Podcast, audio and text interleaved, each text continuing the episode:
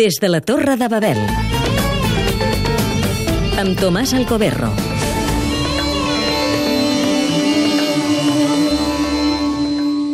Al nord del Líban hi ha la muntanya de la Cadisha, regió molt abrupta on estan excavats monestirs i esglésies molt antigues. És la Vall dels Menonites, una comunitat catòlica oriental. Amb una pedra llisa, com coixí, un llit de fusta amb un silici, Darío és l'últim ermità de la Cadisha. Des de l'any 2000 viu dins d'una gruta amb habitació, estudi i la capella. Té 77 anys i va néixer a Colòmbia, a Medellín, la ciutat dels traficants de droga.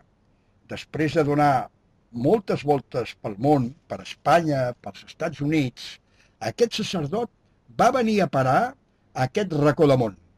No li van ser fàcils les formalitats administratives i va necessitar una autorització especial eclesiàstica per ocupar aquesta ermita de Uca. Dos vegades el vaig anar a visitar acompanyat del meu bon amic, el fotògraf Ferran Quevedo, per un camí de cabres sobre el precipici. Sense telèfon, ràdio ni televisió, té un walkie-talkie per comunicar-se, si fa falta, amb el seu convent. A més, està, i de quina manera, molt al cas dels partits de futbol, sobretot quan juga el Barça.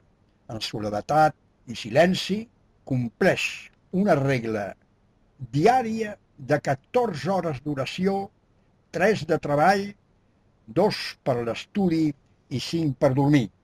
De tant en tant rep visites de nois i noies de Beirut o de gent d'aquella contrada.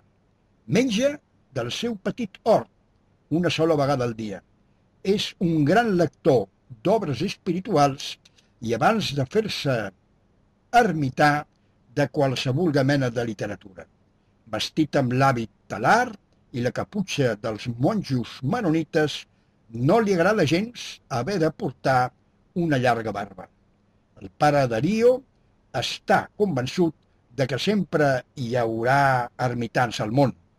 El temps de les neus que cobreixen la cadixa és el temps del seu aïllament més penós. Des de la Torre de Babel.